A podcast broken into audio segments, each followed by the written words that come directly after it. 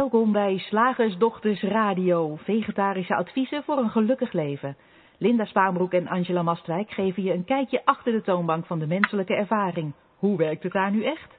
Wij maken gehakt van ingewikkelde concepten en fileren met liefde ook jouw leven. Dat alles onder het motto geluk. Mag het een onsje meer zijn? Goedenavond luisteraars. Uh, welkom bij de radioshow. We zijn terug van uh, de Slagersdochters radioshow. We zijn terug van uh, zes weken vakantie. En we zijn blij om weer achter, de, achter onze toonbank te staan. Um, Angela, ben jij er ook? Ik zit hier ook, Linda, jawel. Ja, zit hier ook, gelukkig. Want ik zie jou hier namelijk niet op mijn controlpanel. Dus ik, ik twijfel even helemaal. ik ben er ehm, helemaal klaar voor. Je bent er helemaal klaar voor, hartstikke goed. Nou, als het, uh, uh, ik vermoed dat we vandaag uh, vrij veel nieuwe luisteraars hebben. We hebben gemerkt dat er in de zomervakantie um, veel aanwas is geweest van mensen die het boekje Drie Stappen in Geluk hebben aangevraagd. En dat betekent meestal ook direct nieuwe luisteraars. Speciaal voor die nieuwe luisteraars uh, eventjes de gang van zaken van deze radioshow. Uh, je ziet op de pagina waar je nu naar ons luistert, als je wat doorscrollt naar beneden, een um, zogenaamd Q&A-vorm. Bij dat, uh, op dat vraag- en antwoordformulier kun je je vragen, je opmerkingen... Um, dilemma's aan ons voorleggen. En later in deze radioshow zullen wij één of meer van de vragen die aan ons gesteld zijn uh, beantwoorden.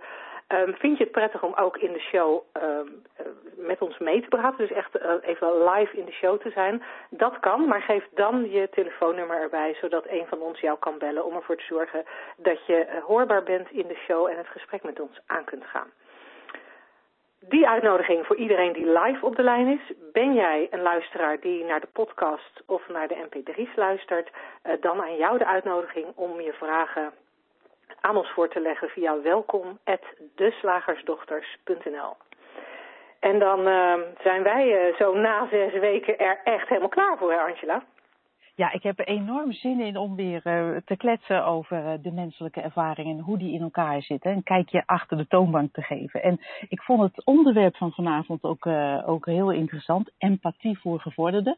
Ehm, ja, want waarom we dat gekozen hebben, dat was om verschillende redenen. Maar ja, empathie. Misschien moeten we het eerst even over hebben wat we daaronder verstaan. Want ja, uiteindelijk is het natuurlijk ook een concept. Ehm, wil jij een voorzet geven of zal ik gewoon even verder kletsen? Klets jij even verder. Je bent ik zo lekker op even verder, ja.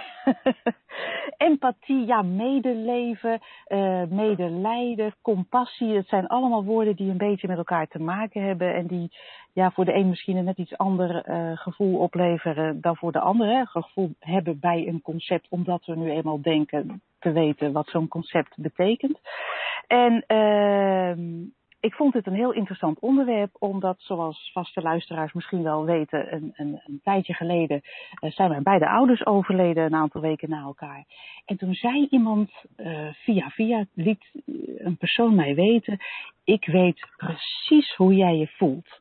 Want haar ouders hadden namelijk, waren namelijk ook korte tijd na elkaar overleden. En dat ergens in mij dacht ik, hé, hey, dat klopt niet dat klopt niet, want je kan nooit voelen wat een ander voelt. Want je hebt namelijk geen idee hoe die ander denkt, hoe, welke ideeën die ander heeft, welke overtuigingen, welke, uh, hoe die ander zijn uh, realiteit vormgeeft. En toen is eigenlijk uh, het idee om een uitzending te doen over dit onderwerp ontstaan. waar, waar, waar wij altijd van die leuke bullet point maken om uh, een beetje structuur in ons gesprek uh, te, ge te, geven.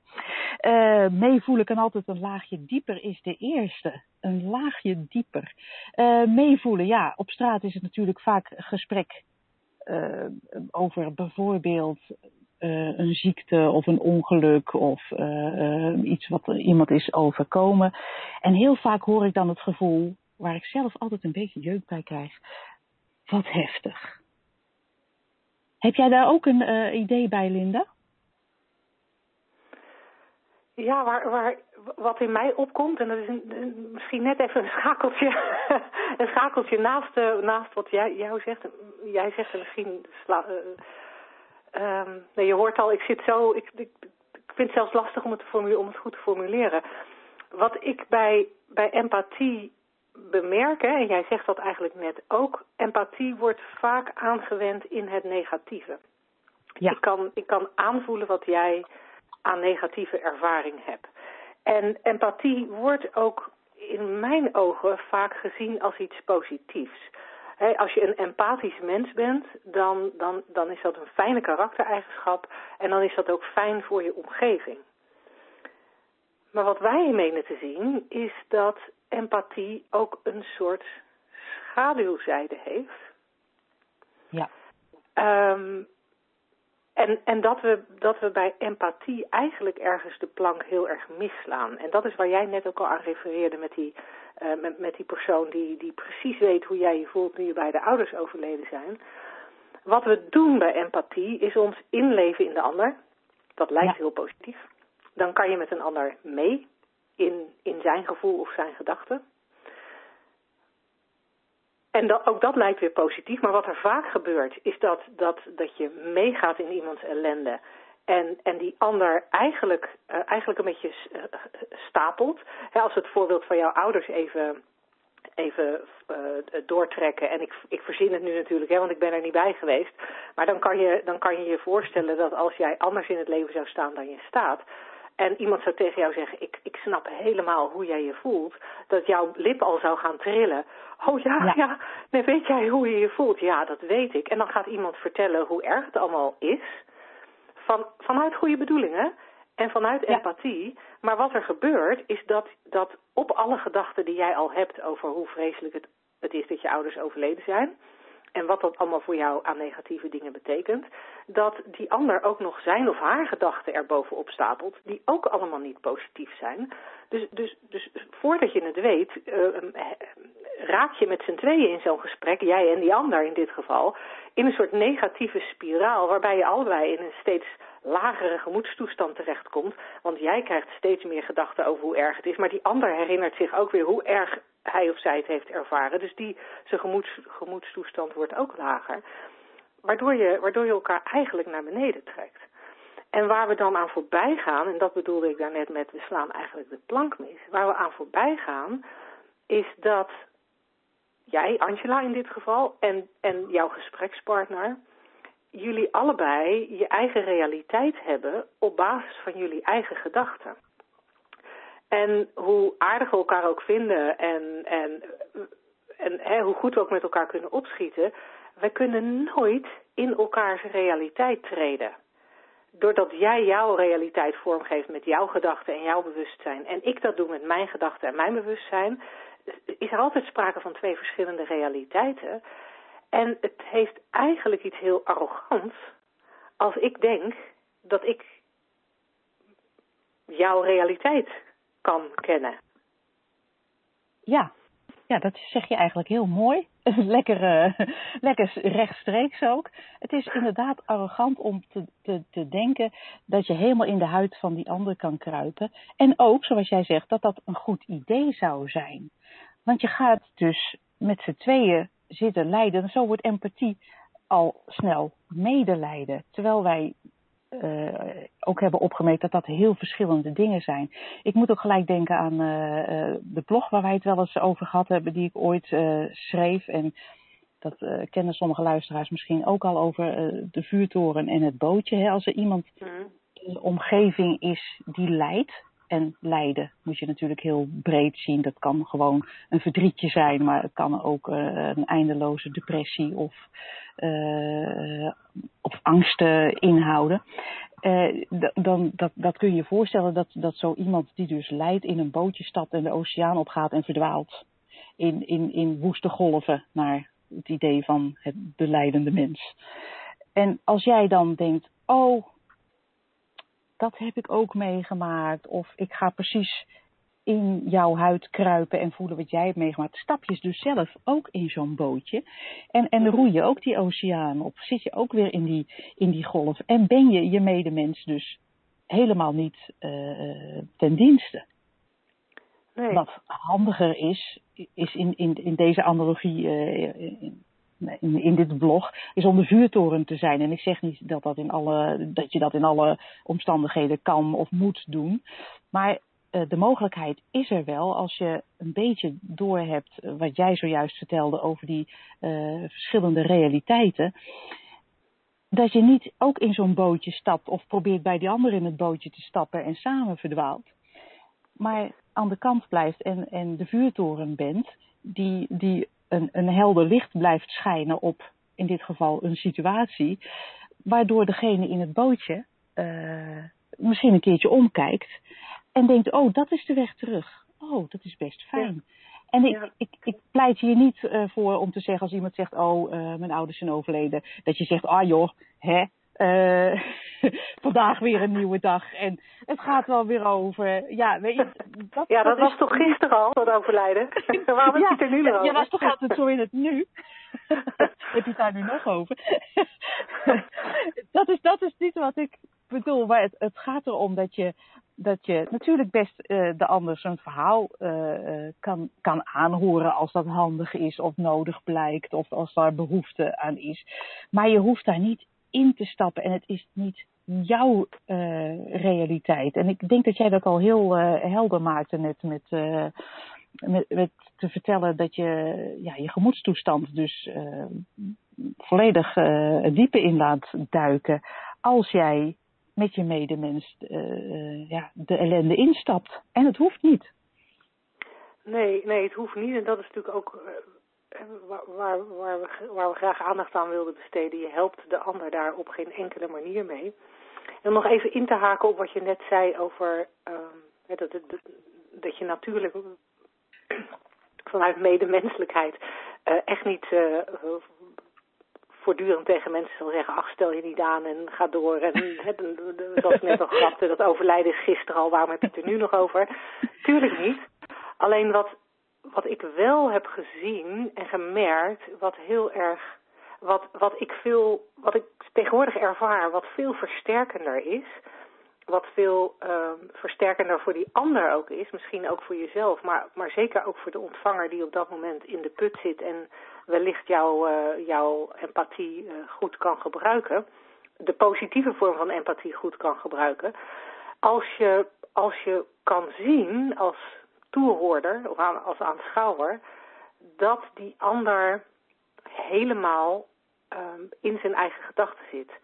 Dat, dat, dat hij die golven creëert en dat hij die golven alleen maar erger maakt doordat, doordat hij of zij een set gedachten heeft die door het bewustzijn heel erg levendig gemaakt wordt, heel erg echt. Want als je um, als je heel veel gedachten over iets hebt en je neemt die gedachten heel, veel, heel erg serieus, dan gaat je bewustzijn nou eenmaal aan de slag om daar met allerlei special effects heel veel kleur, geur en smaak aan te geven, dan kun je bijna niet anders dan erin in geloven, hè, als degene die dat, die dat op dat moment ondergaat.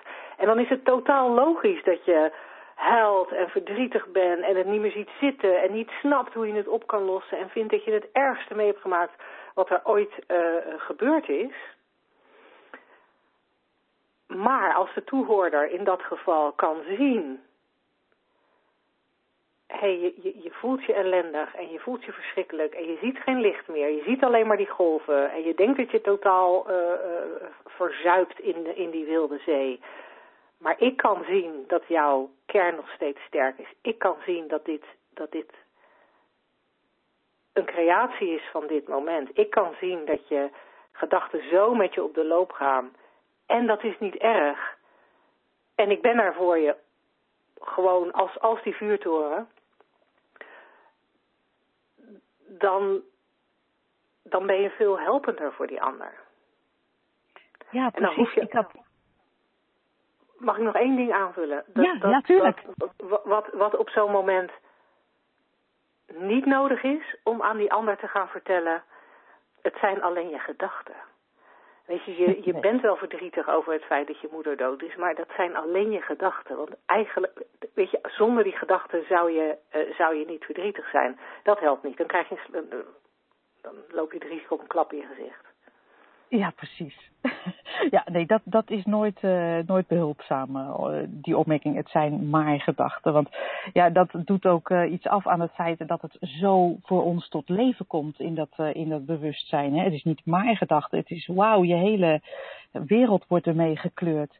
En toevallig had ik van de week een, een, een soortgelijk gesprek hierover met een tijdelijke buurman die met een, een, een, probleem zat. En het, het, het gesprek leidde naar uh, empathie en compassie. En hij zei, uh, waar zit eigenlijk de, de, de, de compassie en de empathie uh, in, in jou, in de, in de zienswijze zoals, je die, zoals die op jullie site staat? Ik zeg, nou, dat, daar, daar, dat zit erin dat ik zie dat jij als mijn medemens precies hetzelfde bent als ik. Sterker nog, op een bepaald niveau zijn we natuurlijk allemaal één. We komen allemaal uit, het, uit diezelfde bron voort. En ik zie dat jij precies zoals ik functioneert. Dus precies op dezelfde manier je menselijke ervaring creëert. En daar zit de compassie in. Weten dat jij dat net als ik doet. Dat we het allemaal doen. Dat we niet anders kunnen als mens in, in, de, in de ervaring van het mens zijn. En toch uh, is, is juist dat zien en zo uh, helder hebben dat het ja, op dit moment verdrietig is, maar een, een, een tijdelijke creatie van het systeem. Uh, dat maakt het eigenlijk, en dat je dat dus zelf ook doet, dat je echt hetzelfde bent in de kern, ieder mens, ieder mens, hoe die er ook uitziet, in welke cultuur die ook geboren wordt, welke taal die ook spreekt. Dit geldt voor iedereen, hè, want de drie principes waar wij over praten zijn natuurlijk gewoon uh, spirituele wetten en een wet is niet door iemand bedacht of opgeschreven zoals wij de wetten kennen in, uit een wetboek, maar een wet zoals het een, een natuurwet. Een, eh, een, appel valt altijd naar beneden omdat we nu eenmaal zwaartekracht hebben. En zo zijn de drie principes, mind, consciousness en thought, waar wij over praten, de wetten voor het beleven van de menselijke ervaring. En dat weten, dat iedereen dat doet, dat maakt omdat je het namelijk zelf ook doet, maakt dat eigenlijk naar mijn idee de compassie voor een medemens groter wordt. Dat je nooit, uh, nou ja, niet snel de gedachte in je opkomt van nou, uh, stel je niet aan, omdat je weet, omdat je het zelf ook doet. Als je zo'n set gedachten hebt, als je uh, overtuigingen hebt die, waar je heilig in gelooft en, en er gebeurt iets waar je uh, verdrietige, stressvolle, angstige gedachten over hebt, ja, dan wordt die werkelijkheid ook zo echt voor jou uh, neergezet mm. in het bewustzijn. En dat je dat ook kan zien, maar dat wil niet zeggen dat je erin mee hoeft te gaan. En ik denk dat dat het grote verschil ja. is. En, en, dat daarin ja. ook het, de, de, de term empathie voor gevorderde zit. Ja, en dat, en dat wat, wat ik daar dan weer het fraaie van vind, als je dat kunt, als je het, als je het zowel kan als degene die even in die gedachtenstorm zit en die, die iets meemaakt wat hij heel vervelend vindt, als degene die de empathie levert, als je beide, beide een beetje weet dat dit op deze manier werkt, dan krijg je ook een veel rustiger, uh, ja, een soort rustiger samenspel. Ik weet niet of samenspel het juiste woord is in dit geval, maar dan wordt ook zo'n zo'n contact wordt veel rustiger. Ik had bijvoorbeeld afgelopen zaterdag uh, zijn wij na een reis van ruim zes weken door Scandinavië thuisgekomen. En eigenlijk zouden wij op zondag thuiskomen. En nou ja, onverwacht gedurende de dag was eigenlijk de situatie zo dat we zeiden, nou laten we maar naar huis rijden. En op de een of andere manier gebeurde er iets in mijn hoofd dat ik, dat ik, uh, ik, ik miste ergens een schakeltje.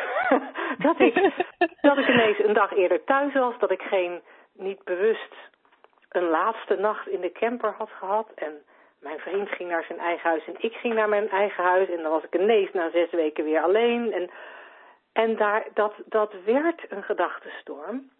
Ja. En hilarisch, want er gaat natuurlijk nergens over. Ik bedoel, ik heb, het gaat nergens over. Maar ik was helemaal over, over de flos. Ik was echt, ik moest huilen. En, maar terwijl ik aan het huilen was, kon ik wel ergens herkennen dat dit, dat, dat dit moest de gedachte zijn. Dat kon niet anders. Als ik me zo, als ik me zo waardeloos voel, dan komt dat omdat ik in een gedachtenstorm zit. Wat niet wegneemt dat ik er, dat ik er in, gewoon in meeging. Maar wat ik dan wel het lekkere vind, dat ik dan ook gewoon voluit kan huilen en verdrietig kan zijn, wetende dat het, dat het vanzelf weer overgaat en dat ik daar morgen om moet lachen. Dus dat, ge dat geeft iets heel rustigs. Ik ben niet in paniek van, oh, ik blijf nu de rest van mijn leven verdrietig. Ik weet gewoon, nou, dit is even zo. Maar mijn vriend kan er dan ook naar kijken van, nou ja, ja, ze zit even in, uh, hij, noemt het dan, hij, hij, noemt het een gedachtenspinsel. Ze zit even in haar gedachtenspinsel. Of in haar spinnetje. Je hebt, je hebt een hoop spinnetjes, zegt hij dan. En, en dat is het. En dan krijg ik een knuffel. En daar blijft het dan ook bij. Want, want, want het zijn mijn gedachten en hij hoeft er niks mee. En dat geeft super veel rust in contact met mensen. Vind ik. Ja, dat is. Ja, en het dat geeft is, super veel rust in het ervaren van iets wat je vervelend vindt. Ja, het is mooi dat je dat, uh, dat, je dat voorbeeld geeft. Want uh, dat is ook misschien best handig om ook uh, te zeggen, ook voor de nieuwe luisteraars. Want het, het begrip van deze drie principes of de, de, de filosofie of deze levenswijze houdt niet in dat je bevrijd wordt van je menselijke ervaring. Het is niet zo dat je nooit meer verdriet zal ervaren of mag ervaren. Lekker wel. Maar het geeft bevrijding er middenin. En dat vind ik dat je heel mooi hebt beschreven. Je bent echt diep verdrietig, maar ergens, ergens weet het systeem Linda, om het zo maar even te noemen, nou, zomaar niet zo erg. Ja. ik zit, even, ja. ik zit e even in het dramastukje van goede tijden, slechte tijden. Leuke, leuke cliffhanger. En morgen uh, pakken we de draad weer op. Uh, met ja, een, met een ja zoals, jij, zoals jij eerder al tegen mij zei in een andere situatie. Het is een spannende film. Neem er vooral een bak popcorn bij. Ja. ja, als je, dan, als je dan toch uh, helemaal uh, erin betrokken wordt, dan denk ik, popcorn hoort erbij. Ja, precies. Hey, tot, zover, uh, tot zover het thema van vanavond. Laten we overgaan naar de wetenschap. Slagersdochters, wat zit er in de leverworst? Oftewel, tijd voor wat wetenschap. De wetenschap, ja, ja. Voor het eerst weer uh, heb ik mij daarin uh, verdiept in zes weken. En dat was ook weer ontzettend leuk, want het gaat ook weer over een onderwerp wat ik helemaal leuk vind, namelijk de vrije wil. En wat ah. de neuro... Ja, ja, al eerder hebben wij het daarover... Ik heb daar van de week ook iets over zitten lezen. Dat... Oh, wat leuk. Ja, nou, misschien wel ja, dus de vrije ja. wil. Wie weet, wie weet wat de neurowetenschappen daarover zeggen. Want ja, we verrichten als mens per dag honderden handelingen. Je zet je wekker uit, je, je, kiest een shirt of een jurk uit de kast s ochtends, je smeert een boterham of je besluit om muesli te eten. En ja, het lijkt alsof we dat allemaal, of in ieder geval grotendeels, bewust doen. He, alsof we ons lichaam ook doelbewust aansturen van uh, nee, ik de koelkast open en, en, mijn hoofd gaat nu kiezen om mijn hand naar de kaas te laten gaan of naar de sojamelk voor de, voor de krusty. Maar is dat nou wel zo? Wat zegt de wetenschap daarover? Twintig jaar geleden is daar een, een, een redelijk uh, bekend onderzoek over gedaan. Dat zal ik eerst even noemen, want dat was, dat was destijds uh, een soort openbaren, openbaring.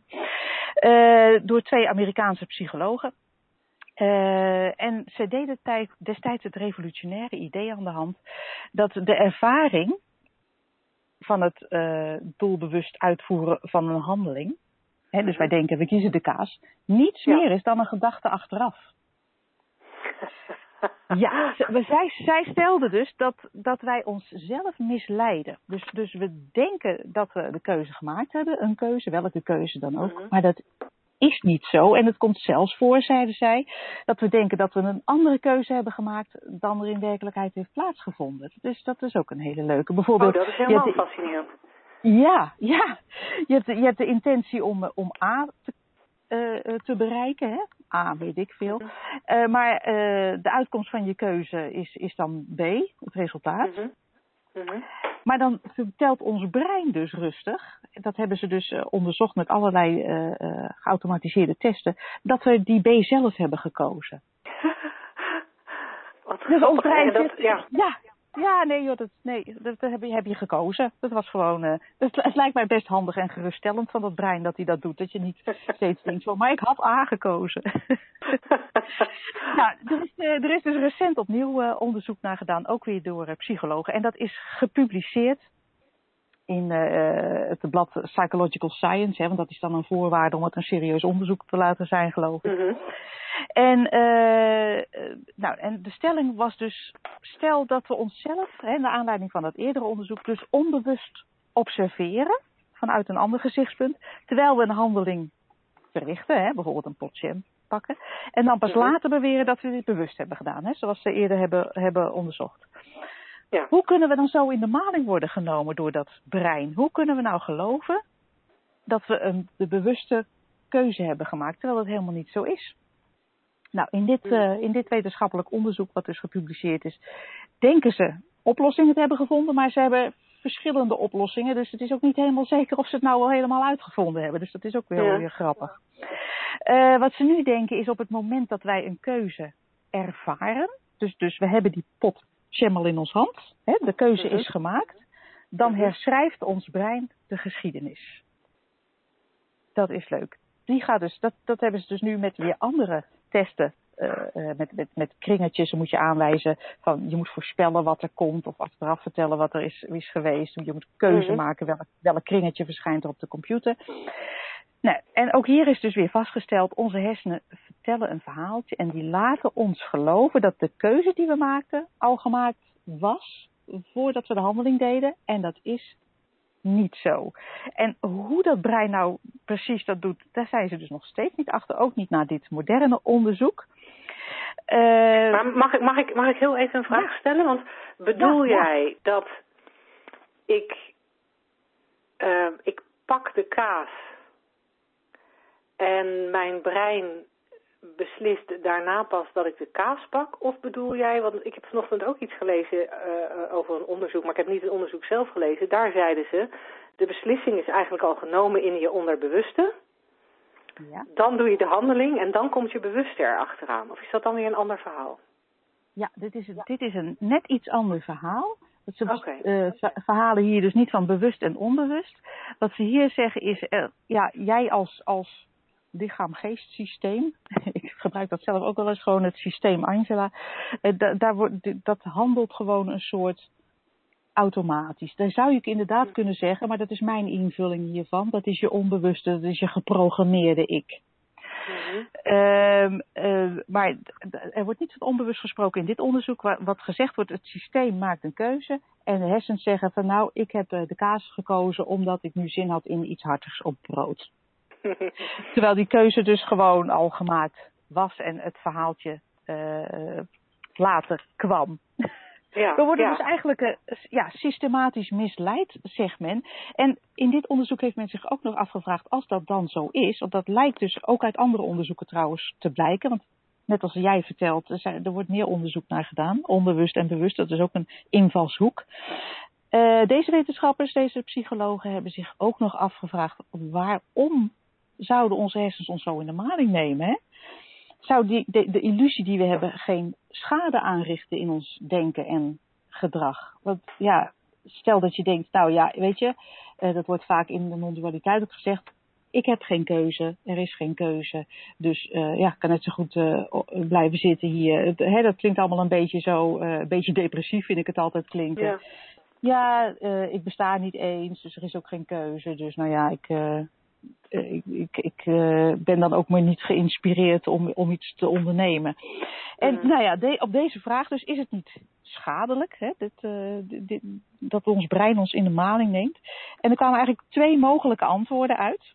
Dus ook hier zijn de psychologen het niet helemaal, eh, zijn niet helemaal helder in hun uitkomsten. Die zeggen, nou ja, of het is heel simpel. Ons brein kan gewoon de snelheid van waarnemingen niet verwerken. Dus, dus de, de, de, ons brein weet niet dat de keuze al is gemaakt. Of Ja. komt daar pas, ziet dat pas achteraf. Of, en die vind ik zelf veel interessanter, onze hersens zijn zo ontworpen, door wie dat weet ik niet hoor, maar goed, door alles wat is. We hebben hersens, die zijn zo ontworpen om ons juist de illusie van een vrije keuze en een vrije wil te geven in dit leven. Dat vond ik een hele interessante mogelijke conclusie van dit onderwerp.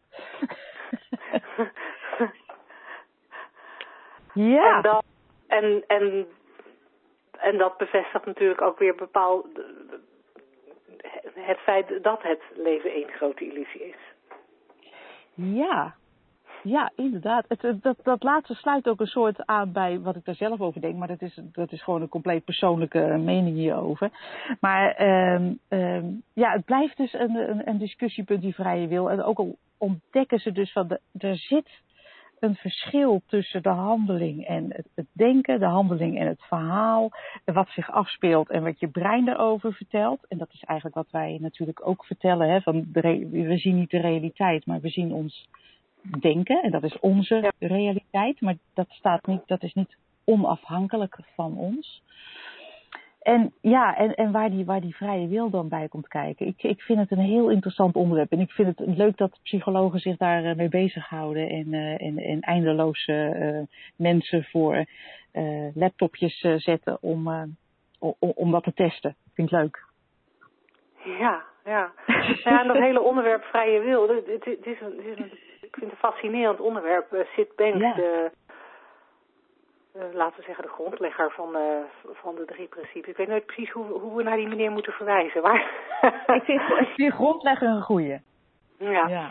Die, die um, in, de, in de cd's die nog steeds van hem beschikbaar zijn, hij leeft inmiddels zelf niet meer, geeft hij, praat hij zelf wel ook over vrije wil. Ja, dat klopt. En zelfs in de dingen die hij zegt, is, is, is vrije wil een beetje een, uh, een dubbel gegeven. Want aan de ene kant zegt hij, je hebt de vrije wil om uh, te denken wat je wil denken. Ja. Um, en als, je, als, een, als een gedachte je niet bevalt, nou dan, dan, dan hoef je hem niet te denken. Ja. Um, en, en je hebt de vrije wil om iets anders te denken. Uh, en tegelijkertijd hoor je um, vaak tussen de regels door in de dingen die hij vertelt ook wel van, ja, er, is dat, dat, dat grotere geheel, dat die, die universele levensenergie, die eigenlijk stuurt wat er gestuurd moet worden. Die universele levensenergie zorgt ervoor dat je haar groeit, zorgt ervoor dat eikels eikenbomen worden en dat uh, uh, het, het, het, zomer wordt uh, na, de, na de lente.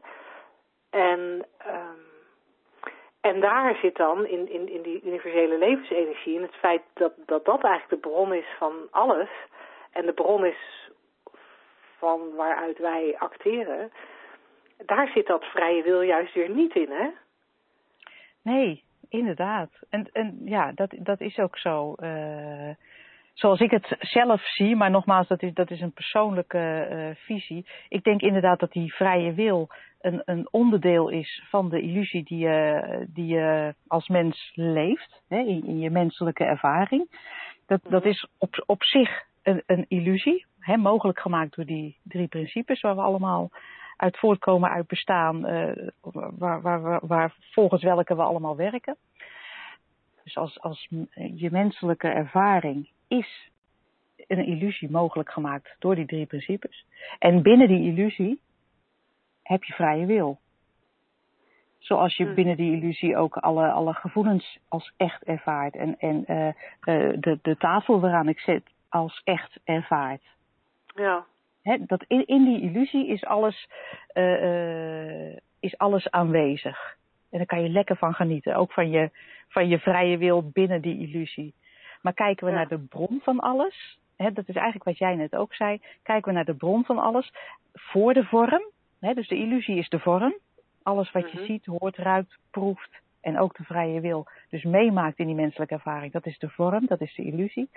Maar daarvoor zit het vormloze, onze, dus de, de, de, de bron van alles. En daar kunnen we 86 jaar radioshows over volkletsen, maar we zullen nooit kunnen uh, kunnen benoemen, echt goed benoemen wat dat is. Want dat zit voor de woorden, voor de gedachten, voor alles wat, uh, wat wij in die menselijke ervaring zien. Voor de illusie zit het vormloze, uh, ja, wat, wat alles inderdaad mogelijk maakt. En daarin, ja, is, is alles één. Dus is er ook niet iemand om een vrije wil te hebben. Nee. Nee. Dus ja, het, het, ja, ja, inderdaad. Daar kunnen we eindeloos over kletsen. Dat doen wij dus dan ook. Ja. ja, ja, dat doen we en dat doen we graag. Laten we eens even kijken of er um, iemand met ons mee wil kletsen. Oh, dat zou leuk zijn. Zeg, slagersdochters, hoe bak ik die vegaburger? Over naar de luisteraarsvraag. Nou, ik heb wel een uh, vraag, maar het is niet iemand die zijn telefoonnummer erbij heeft uh, gezet. Dus, dus in, in, die zin niet meekletsen, maar wel uh, superleuk, Mark, dat je je vraag aan ons hebt doorgegeven. Um, en nou heb ik mijn bril niet bij de hand, dus ik moet even een, heel, een klein beetje proberen deze les te kunnen lezen. Even de camera uit. Even, ja, even de camera uit, precies. Um, jullie, of, jullie geven aan dat uh, Sydney Banks het heeft over het feit dat je je gedachten kan veranderen. Dat je de vrije wil hebt om je gedachten te veranderen. Maar in welk opzicht is dat dan anders dan het repressen van je gedachten en je gevoelens? Oh, het onderdrukken bedoelt hij waarschijnlijk. Ja, ja. Ja, ja tenminste zo zou ik het uh, vertalen. Ja. Ja, mooi hè. Ja, dat, dat is inderdaad, ik vind het een prachtige vraag. Ik vind het echt heel mooi. Uh, want we gaan heel vaak, dat is ook wel fijn om het even over te hebben. Heel vaak als wij zeggen, van, oh ja, nou ja, de ervaring die je hebt, hè, dat komt door de gedachtenset die je, die je zowel onbewust als bewust hebt.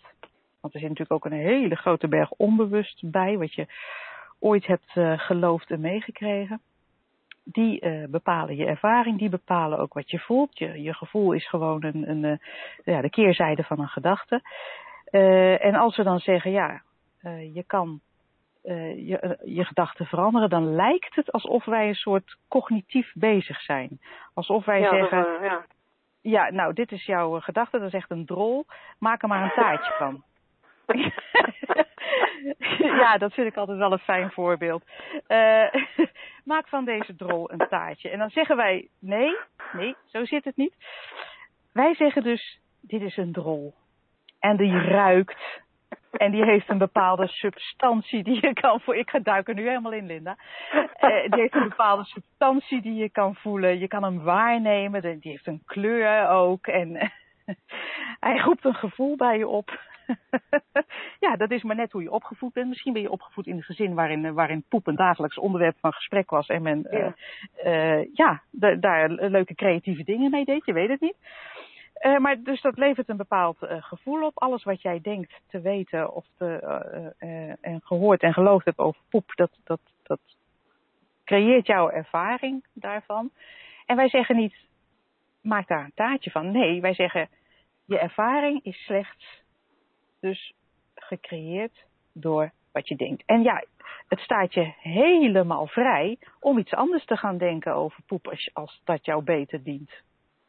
Maar we zeggen niet dat dat moet. We zeggen alleen het is zo handig om te doorzien dat je ervaring niet is iets wat, wat in de, een, een onafhankelijke buitenwereld gebeurt. Nee, het is iets wat je van binnenuit creëert en naar buiten projecteert. En ja, ja dat, is, dat is een hele, een, een, een hele uh, uh, ongelooflijk ingenieuze illusie. Want als ik met. Ik, ooit waren wij op vakantie in Frankrijk en mijn, uh, mijn oudste zus die ging in het weiland zitten en die ging met haar hand in zo'n grote koeienvlaai. Mm -hmm. Nou, die had echt wel de ervaring van een koeienvlaai. Ze rook hem, ze voelde hem. Mm. Die illusie is gewoon heel echt. En dat zeggen wij niet, nou ja, nee, dat mag niet. Of, of dat is de verkeerde ervaring. Nee, je hebt nu die ervaring en alles wat je ervaart, dat wordt gecreëerd door middel van die drie principes. En je bent Ja. daar vrij in. En, en dat geeft voor mij, en, en ik, ik weet, nou ja, dat moet jij trouwens zelf. Dus, dat geeft voor mensen die inzicht hierin hebben, zoals jij en ik, en wie weet wie nog meer in de wereld, is het heel bevrijdend om te weten, het is niet een onafhankelijke buitenwereld die mij iets doet ervaren. Nee, het is een van binnenuit gecreëerde ervaring en ik stort me daar lekker in. En ik ben er ook vrij in, want zodra ik mijn uh, um, gedachten, zodra ik iets anders ga denken over poep, omdat ik ineens ontdek, goh, daar kan je ontzettend leuk mee kleien, Mm. heb ik daar ook een andere ervaring van. Ja, ja. Ja, en niet dat Ja, dat en- moet, maar dat ja, kan wel. Ja, dat kan, dat kan. Ja, en, en um, vind je het goed als ik, als ik nog even mijn, mijn visie geef hierop, die Ja, ongetwijfeld ja, heel hetzelfde neerkomt, maar net even in, in andere bewoordingen. Graag. wat ik veel zie als het gaat om eh, gevoelens en emoties, dat we, ehm, en, en met name als, als iemand gaat vragen van, goh ja, maar onderdruk ik dan niet een gevoel? Ehm, is dat we een gevoel heel vaak heel serieus nemen. Ehm, om een voorbeeld te noemen, ik, eh, ik, ik kan ehm, eh, over, over twee, tweeënhalve week wordt mijn boek gelanceerd. Dat, is, dat vind ik spannend. Daar heb ik gedachten over dat dat spannend is. Dus daar, daar, daar, daar, denk ik, eh, daar denk ik van alles eh, van. En, en daar komt een bepaal, daar komt, daar komt bij mij een soort van, weet je, daar kan ik soms een beetje ademnood van krijgen of een beetje een gevoel van buikpijn van krijgen. En wat ik veel zie is dat we eh, als mensen dat soort, dat soort emoties, dat soort lichamelijke gevoelens eh, serieus nemen. Oh, ik heb buikpijn. Oh, ik adem hoog. Oh, dan is er dus iets aan de hand. Wat is er dan aan de hand? Oh, dat is natuurlijk dat event. Eh, oh, dat is natuurlijk die boeklancering. En dan, en dan ga ik denken. En ik ga meer denken. En ik ga meer denken.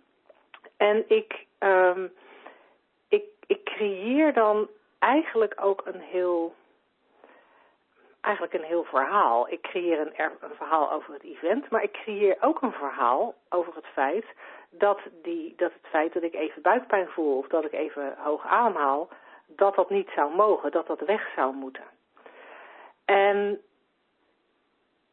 maar wat daar, dus, en ik, ik maak het voor mezelf allemaal heel echt. En ik kan heel goed daar, ik kan heel goed mensen vinden die het dan met me eens zijn. Ehm, en vooral ook omdat ik echt heel goed ben in argumenteren, al zeg ik het zelf. Dus ik verzin wel allerlei argumenten waarom dit echt een probleem is. Waarom ik hier echt nerveus voor moet zijn. Waarom dit echt totaal mis kan gaan. En nou ja, weet je, zo nog een heleboel dingen. En ik kan echt mensen vinden die dat met me eens zijn. Omdat het bij hun ook iets aanspreekt waar, waar- dat zij die angst op een bepaalde manier herkennen. En, ehm, ehm, maar, maar wat ik in feite doe, is met mijn gedachten een, nou ja, laten we het een ziek konijn noemen, creëren. Ik creëer een ziek konijn, maar het is wel een onzichtbaar konijn. Hij bestaat helemaal niet. Want dat event is er nog niet, die boeklancering is nog niet en al die dingen die ik erover denk, die zit ik ook maar te verzinnen. Dus ik, ik creëer gewoon een heel verzinsel. Ik creëer een, een, een, een wit onzichtbaar konijn. Hij is wit, hè? Met een rood strikje. Mijn onzichtbare konijn. En vervolgens, en vervolgens ga ik naar iemand toe en zeg eens, kijk, ik heb hier een, een, mijn witte onzichtbare konijn is ziek. Ik heb echt een probleem. En, dan, en dan, dan kun je natuurlijk zeggen van, nou ja, laten wij eens met Linda gaan praten over wat haar witte konijn allemaal mankeert. En laten we eens strategieën bedenken om haar witte konijn te genezen. Maar dat schiet helemaal niet op. En voor mijzelf heeft het ook buitengewoon weinig zin om, om, om na te gaan denken over strategieën om dat witte konijn te genezen. Want er is geen wit konijn. Het enige wat er zijn, zijn mijn gedachten die dat konijn verzinnen. Dan is het veel behulpzamer als ik zelf kan zien dat het een onzichtbaar konijn is. Of dat iemand anders mij kan laten zien dat het een zichtbaar konijn is. Dat is veel behulpzamer dan, dan, dan gaan proberen iets onzichtbaars op te lossen. Iets wat er niet is op te lossen. Um, en, en als je het dan hebt over gevoelens onderdrukken, dan zit voor mij de crux vooral bij het feit dat we het zo serieus nemen en dat we het ook allemaal weg willen redeneren. Zoals, hè, want, want ik, ik mag dan geen angst hebben, want angst is niet goed, zenuwachtig zijn is niet goed, hebben we bedacht. Um, en omdat ik dat dan wel ervaar op dat moment, moet het weg. Want mijn maatstaf is 100% zen. En als ik niet 100% zen ben, dan moeten wij daar iets aan doen. En, en, en als ik er dan niks aan doe, als ik het gewoon laat zijn, dan zijn mensen geneigd om te zeggen, ja, jij onderdrukt je gedachten. En dat geloof ik niet. Of je onderdrukt je gevoelens, dat geloof ik niet. Die gevoelens mogen er wel zijn, maar ik weet waar ze vandaan komen. Ik weet dat de gevoelens ontstaan door een onzichtbaar konijn. En wat ik niet serieus neem, is dat witte konijn. wat ik gewoon lekker weg laat huppelen, is dat witte onzichtbare konijn. Doe waar Ja, stil je precies. existentie. Ja, nee, maar ik denk dat je het ook, ook nee, je zeker wel, eh, dat je het eerder ook met je verhaal over, nou, huilen op zaterdagavond eh, al duidelijk had. Dat wil niet zeggen eh, dat als je weet waar je gevoelens vandaan komen en hoe je je realiteit creëert, dat je ophoudt met creëren. Nee, het, alleen het wordt vrijer. Het wordt, je huilt nog steeds toevallig op zaterdagavond of ik bij de crematie van mijn vader. Alleen het verhaal in je hoofd, je snapt waar het vandaan komt. Maar en dus is er ook minder een verhaal in je hoofd. Oh ja, want eh, eh, waardoor je het niet. Die gevoelens komen gewoon op, maar je, je, je sleept ze niet door de tijd mee, door het verhaaltje wat je jezelf erover vertelt. Omdat je dat witte Ja. konijn nou eenmaal niet langer gelooft. Ja, ja, ja. En zelfs Dus als je er middenin zit, weet je wel dat het een wit konijn is. En dan ga je misschien wel even Ja. lekker mee. En je Ja, hem een keer. ik ben dol op witte konijnen persoonlijk. En een keertje lekker huilen vind ik ook best fijn. ja, dat is lekker, hè? Ja, vooral als je weet Ja. dat het toch niet uitmaakt. Is dat echt heel... eh, Nee.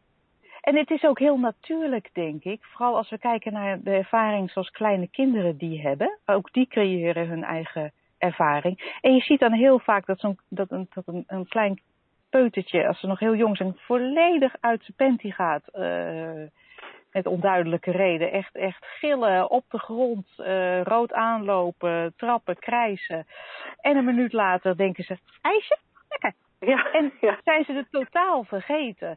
En, en wat, wij, wat ons later geleerd wordt, is het verhaaltje erover vertellen. Ik ben verdrietig, want ik ben boos, want eh, Ja. ik geloof de gedachte daarover.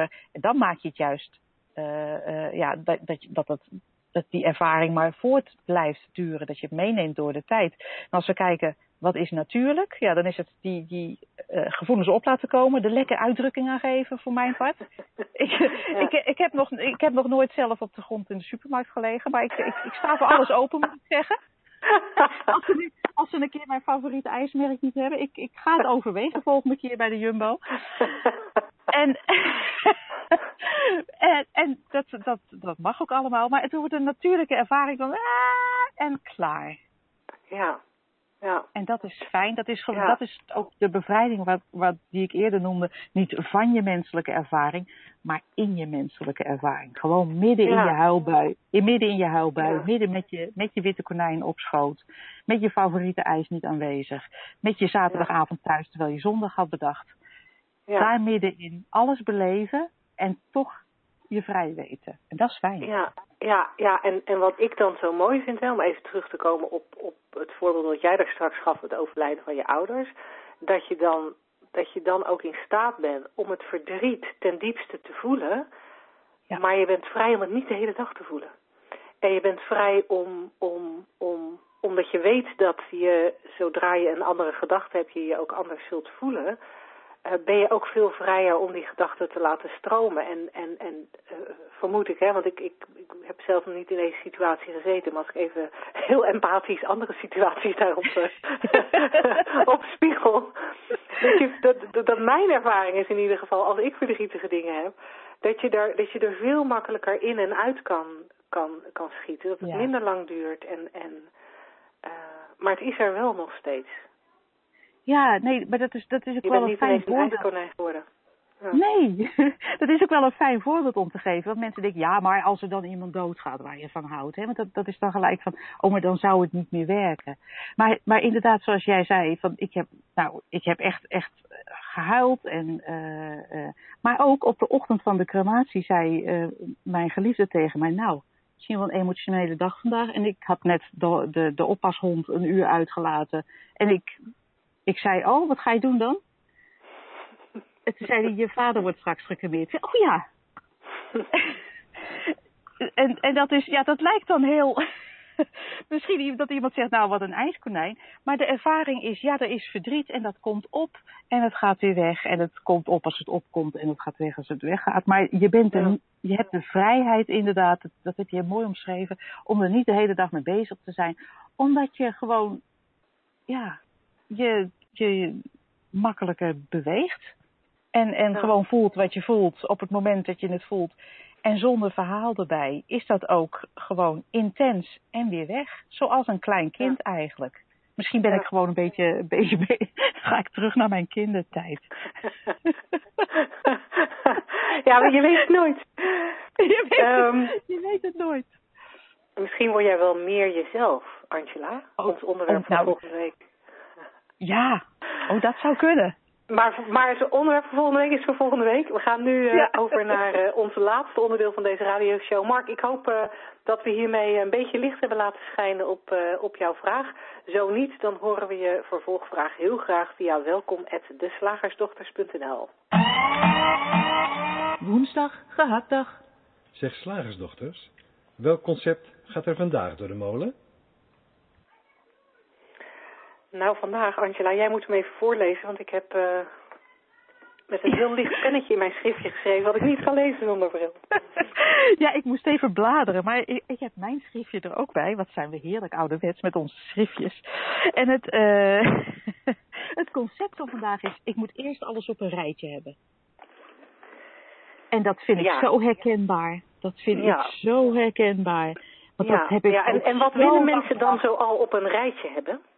Nou, eerst moet het dan eh, eh, duidelijk zijn van eh, waar we heen gaan. Hoe dan ook, hè, in je carrière of ik weet het niet, met het gezin of eh, met, een- met een verhuizing. Eh, dan moet ik weten hoe ik dat eh, ga regelen. Bijvoorbeeld, nou, laten we even een verhuizing nemen. Ik moet eerst even alles op een rijtje hebben. Dus ten eerste, hoe gaan we die financiering doen? Welke bank nemen we daarvoor? Moet er een makelaar? Ik moet allemaal, ik moet dus eerst weten van tevoren hoe ik de dingen ga doen. Ik moet dat eerst allemaal op een rijtje hebben. En eh, dan kan ik actie ondernemen, maar dan kan ik ook pas ontspannen, want dan heb ik alles op een rijtje. Dan weet ik wat er gaat gebeuren. Zoiets. Ja, je kan, oh ja, ja, ja, je kan natuurlijk alleen ontspannen als, als alles op een rijtje is. Die was ik even Ja, vergeten. dat, ja, dat dacht ik ook altijd namelijk. Ik zette ook altijd alles op een rijtje. Ik dacht echt, oh, ik, dan werd ik 's ochtends wakker, is misschien ook wel herkenbaar. En dan, dan, nou, dan was even zo'n eh, seconde niks. En dan ineens door mijn hoofd, oh, wat, eh, wat voor dag is het vandaag? Oh, dan was er een schema. Oh ja, eerst de kinderen en dan had ik dat. En dan zus, terwijl ik helemaal niet een, een, een, abnormaal druk leven had, totaal niet. Maar ik moest dat echt, eh, ging ik in mijn bed al zitten bedenken van, oh ja, en dan zo laat en dan kan ik daar tussendoor nog even.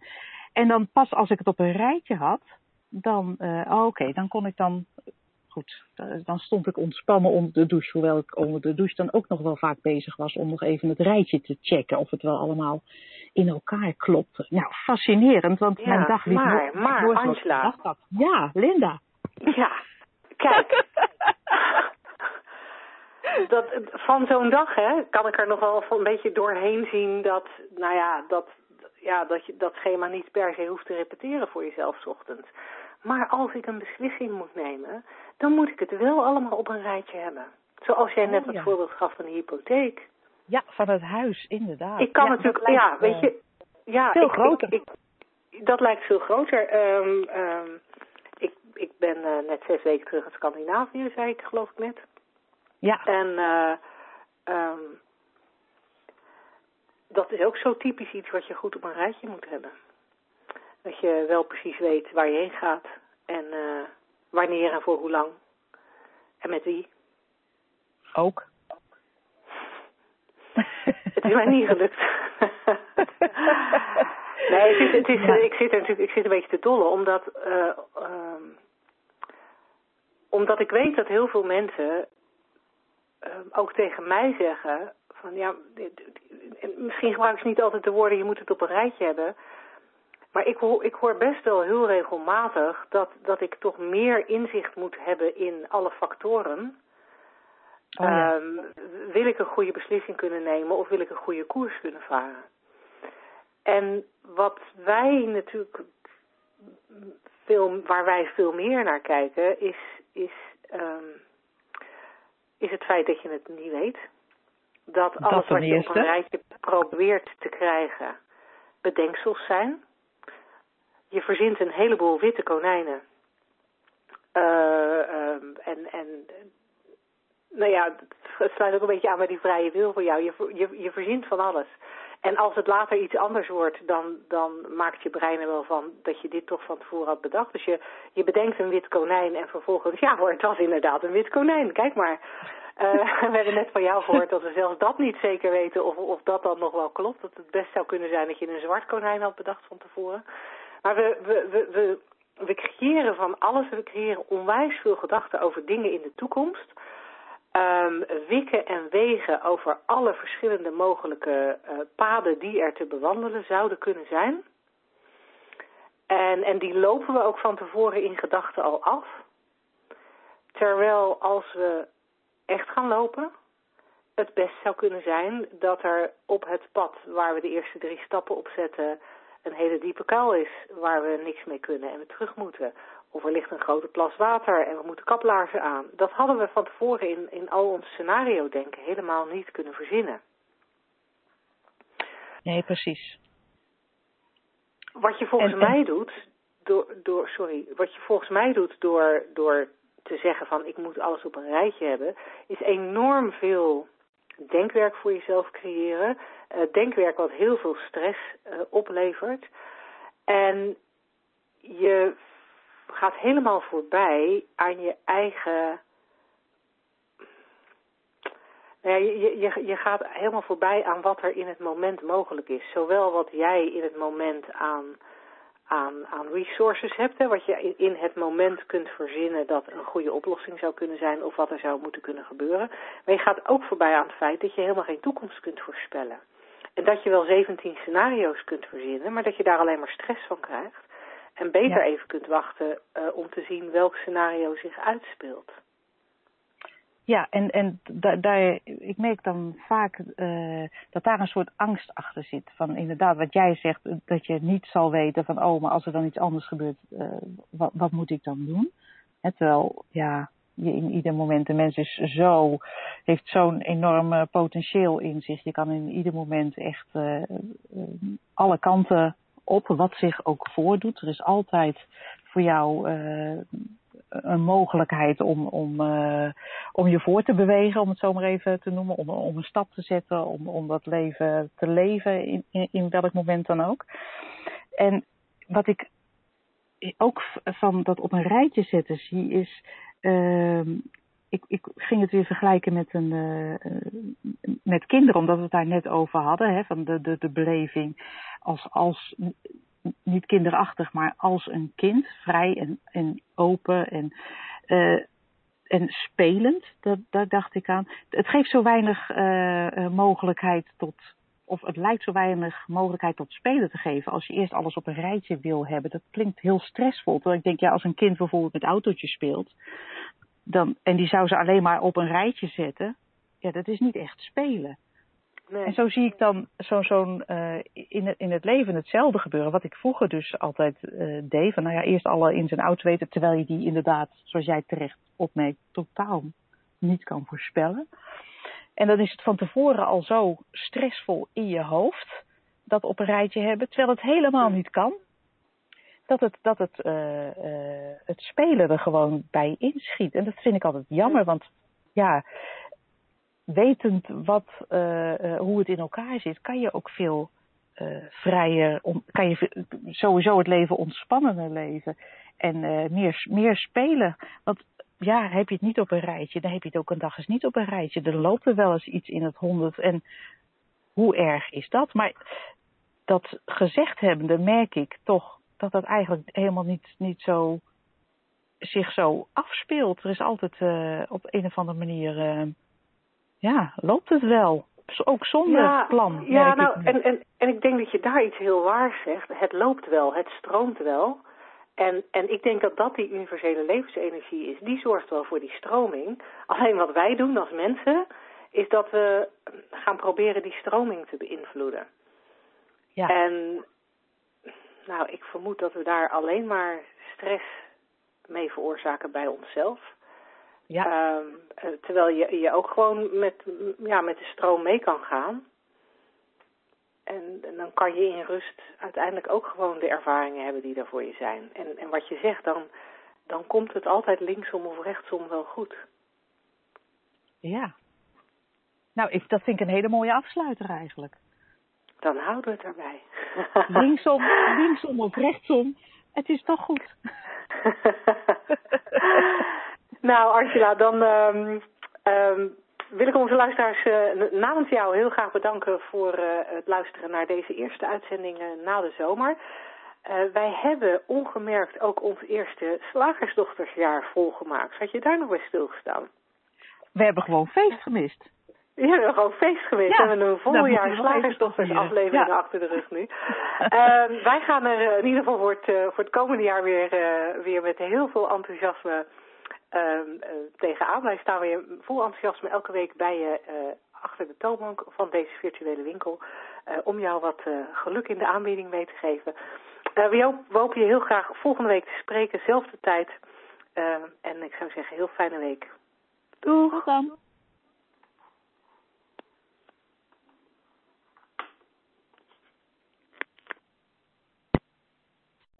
The moderator has left the conference.